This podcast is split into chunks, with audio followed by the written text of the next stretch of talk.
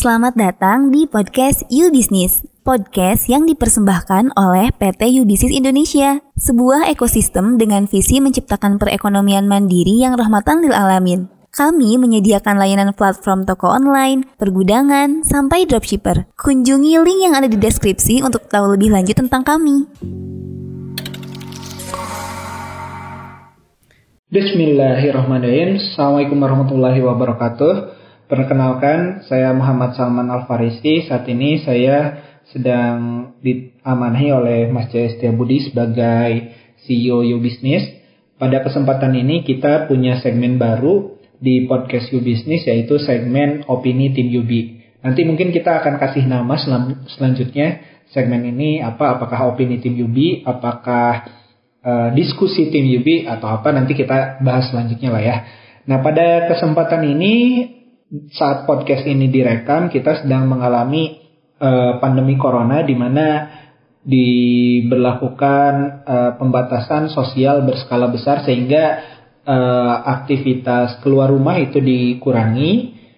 Ternyata dampaknya tidak hanya terjadi di Indonesia ataupun di sektor ekonomi dan kesehatan, bahkan sampai sektor olahraga pun terpengaruh. Nah, ngomong-ngomong soal sektor olahraga, uh, saat podcast ini direkam, beberapa uh, cabang olahraga termasuk sepak bola uh, di beberapa negara insya Allah akan dilanjutkan salah satunya di Liga Inggris. Nah ngomongin soal Liga Inggris, saya sendiri sebagai seorang fans Arsenal mulai menyukai Arsenal itu dari tahun 2004 waktu itu kebetulan saya masih SD kelas 6 Uh, dan itu sedang masa jayanya Arsenal di mana Arsenal diperkuat oleh salah satu penyerang terbaik Liga Inggris yaitu Thierry Henry. Karena kita gak ngomongin sepak bola di podcast You Business ini, ada satu hal yang uh, saya ingin bahas yaitu mengenai uh, datangnya seorang pemain muda, mengenai sebuah kepemimpinan juga dari seorang kapten yaitu Patrick Vieira jadi kurang lebih di tahun 2003 itu Arsenal merekrut seorang pemuda berbakat namanya Frances Fabregas dari La Masia atau klub akademinya Barcelona dari Spanyol, uh, posisinya sebagai gelandang. Nah, saat itu sendiri sebelum Fabregas bergabung, Arsenal diperkuat oleh beberapa pemain terbaik di dunia. Salah satunya Patrick Vieira dan Thierry Henry, kipernya waktu itu Jens Lehmann, uh, sama Thierry Henry sendiri dia merupakan uh, pemenang Piala Dunia tahun 1998 dan Piala Eropa 2000. Jadi syarat akan pengalaman dan syarat prestasi. Yang menarik tidak lama setelah itu, kalau nggak salah di tahun 2005, Patrick Vieira pindah ke ke Juventus dan salah satu penyebabnya adalah uh, pemain muda tadi yang direkrut tahun 2003 namanya Francis Fabregas di usia 16 tahun. Dan Fabregas mencatatkan rekor uh, saat itu sebagai pemain muda yang masuk ke tim utama di usianya yang masih 16 tahun. Yang menarik, uh, Fabregas ini sebenarnya sempat diragukan potensinya oleh Thierry Henry sebagai salah satu pemain terbaik Arsenal saat itu. Karena Uh, dia datang tanpa pengalaman dari klub akademi tanpa prestasi sebelumnya. Tapi salah satu yang memutuskan pelatih Arsenal saat itu menjual Patrick Vieira adalah potensi dari uh, Frances Fabregas ini. Ini yang tidak dilihat oleh pemain lain dan hanya saat itu bisa dilihat oleh pemandu bakat Arsenal dan uh, pelatih Arsenal yaitu Arsene Wenger. Arsene Wenger sendiri adalah salah satu alasan kenapa saya suka Arsenal karena dia selain uh, hebat dalam memimpin tim, dia juga pandai dalam manajerial dan juga mengelola keuangan klub. Pada tahun 2006 waktu itu uh, Arsenal mulai uh, pindah ke stadion baru namanya Stadion Emirates Stadium dan itu dari kecerdasan seorang Arsene Wenger dalam mengelola keuangan. Kembali lagi soal Fabregas. Nah, hadirnya seorang Fabregas ini uh, membuat Patrick Vieira tadi diizinkan pindah ke klub barunya yaitu Juventus. Tentu ini uh, salah satu keputusan kontroversial yang uh, dilakukan oleh Arsene Wenger dan cukup dikecam oleh banyak fans karena uh, kapten terbaik mereka saat itu Patrick Vieira dilepas begitu saja ke Juventus dan diserahkan tampuk kepemimpinannya ke pemain yang masih usianya 16 mungkin 17 tahun pada tahun 2004 dan 2005 uh, Fabregas masuk ke usia 18 tahun. Nah yang menarik uh, ternyata semua uh, prediksi pemain Arsenal saat itu yang meragukan akan keahlian Fabregas itu ternyata salah. Fabregas berhasil membuktikan bahwa dia memiliki kapasitas untuk menggantikan uh, peran seorang Patrick Vieira. Nah, dari sana ternyata Fabregas uh, jadi pemain yang sangat berprestasi bahkan di 2010 dan 2000, 2012 waktu itu Spanyol uh, menjadi negara paling jago dalam sepak bola di dunia dengan tiki takanya.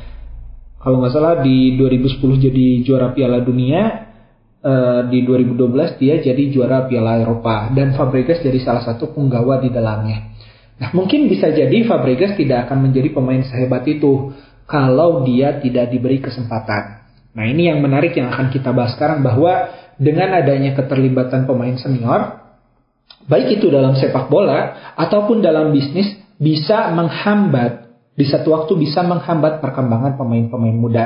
Nah, Uh, yang akan insya Allah kita bahas pada podcast kali ini adalah kapan sebaiknya pemuda atau pada tadi yang saya bahas sepak bola itu konteksnya Francis Fabregas baik diberi kesempatan untuk uh, mengambil peran dalam tim atau bahkan mungkin nggak usah dulu. Nah ini di satu waktu di tempat kita di U Business waktu itu uh, Mas Jaya pernah menugaskan saya untuk uh, bernegosiasi dengan beberapa supplier. Kebetulan saat itu ada tim baru kita namanya Nuri. Uh, saya ditugaskan untuk menghubungi supplier dan saya saya punya persepsi yang sama dengan uh, Arsene Wenger. Jadi uh, saya berpikir bahwa setiap orang punya kesempatan untuk berkembang dan waktu itu ketika saya dapat tugas itu saya langsung serahkan ke Nuri Nuri bisa bantu saya buat hubungi beberapa supplier dan mungkin itu bisa jadi pengalaman pertama buat Nuri menghubungi beberapa supplier dan tidak lama setelahnya saya ditegur Mas Jaya karena caranya tidak seperti itu. Nah, yang Mas Jaya sampaikan tuh bilang kurang lebih seperti ini. Gak seperti itu Salman cara mengkadernya. Harusnya seperti ini nih uh, di Mas Jaya mengungkapkan materi yang disampaikan pada TFM 4 yaitu mengenai cara mengkader yaitu kamu melakukan dia melihat kamu melakukan dia membantu. Dia melakukan kamu membantu. Dan terakhir dia melakukan kamu nggak melihat. Nah jadi proses-proses kaderisasi kurang lebih seperti itu. Nah yang salah di di saya adalah saya langsung menyerahkan tugas itu ke Nuri seolah uh, semua orang bisa diberi tugas hanya dengan ditunjukkan tujuan akhirnya. Ada beberapa orang yang bekerja dengan cara opsional seperti itu, tapi dalam sisi kaderisasi Mas Jaya menyarankan ke saya untuk mengambil langkah prosedural. Jadi saya ngasih contoh seperti apa cara bernegosiasi uh, dan kemudian ada orang yang mengikuti atau menyimak lebih dulu dan mengikuti dan dia mencoba sendiri setelah beberapa kali percobaan. Nah, kurang lebih seperti itu ternyata teman-teman. Nah, di sisi lain uh, ada hal seperti itu orang yang cocok dengan tipe prosedural. Saya sendiri beberapa kali berdiskusi dengan beberapa teman-teman. Saya sendiri kurang suka uh, ketika pada langkah taktis saja saya harus diarahkan karena sebenarnya saya lebih suka diceritain why-nya dan goals-nya, baru dari sisi langkah taktis mungkin uh, kita bisa ber bikin brainstorming sendiri mengenai langkah-langkah taktis yang harus dilakukan dan ini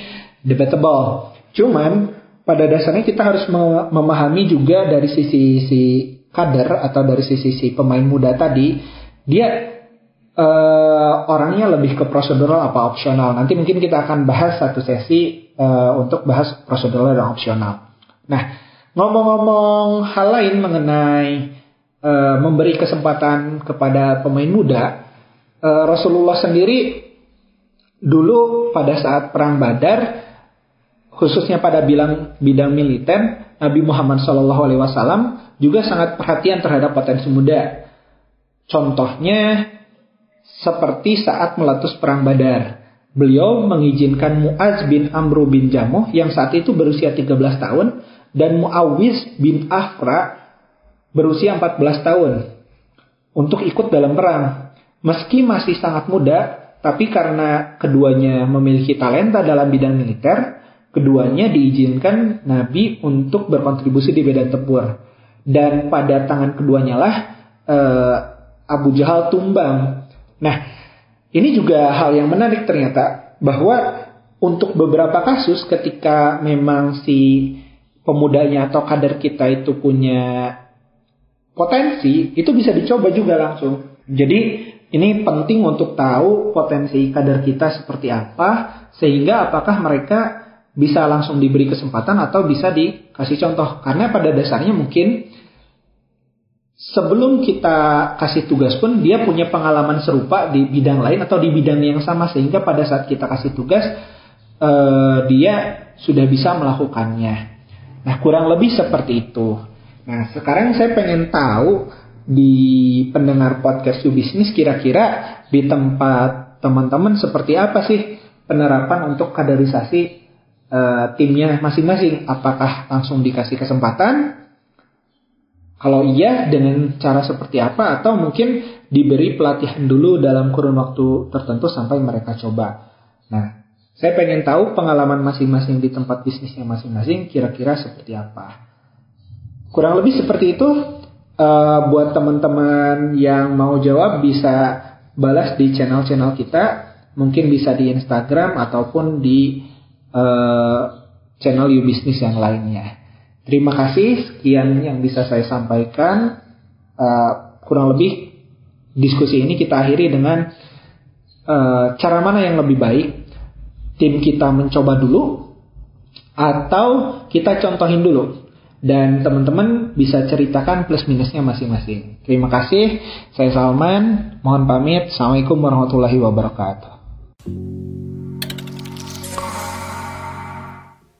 Terima kasih sudah mendengarkan. Jangan lupa klik like dan bagikan jika kamu mendapat manfaat dari podcast kami. Nantikan podcast You Business episode berikutnya.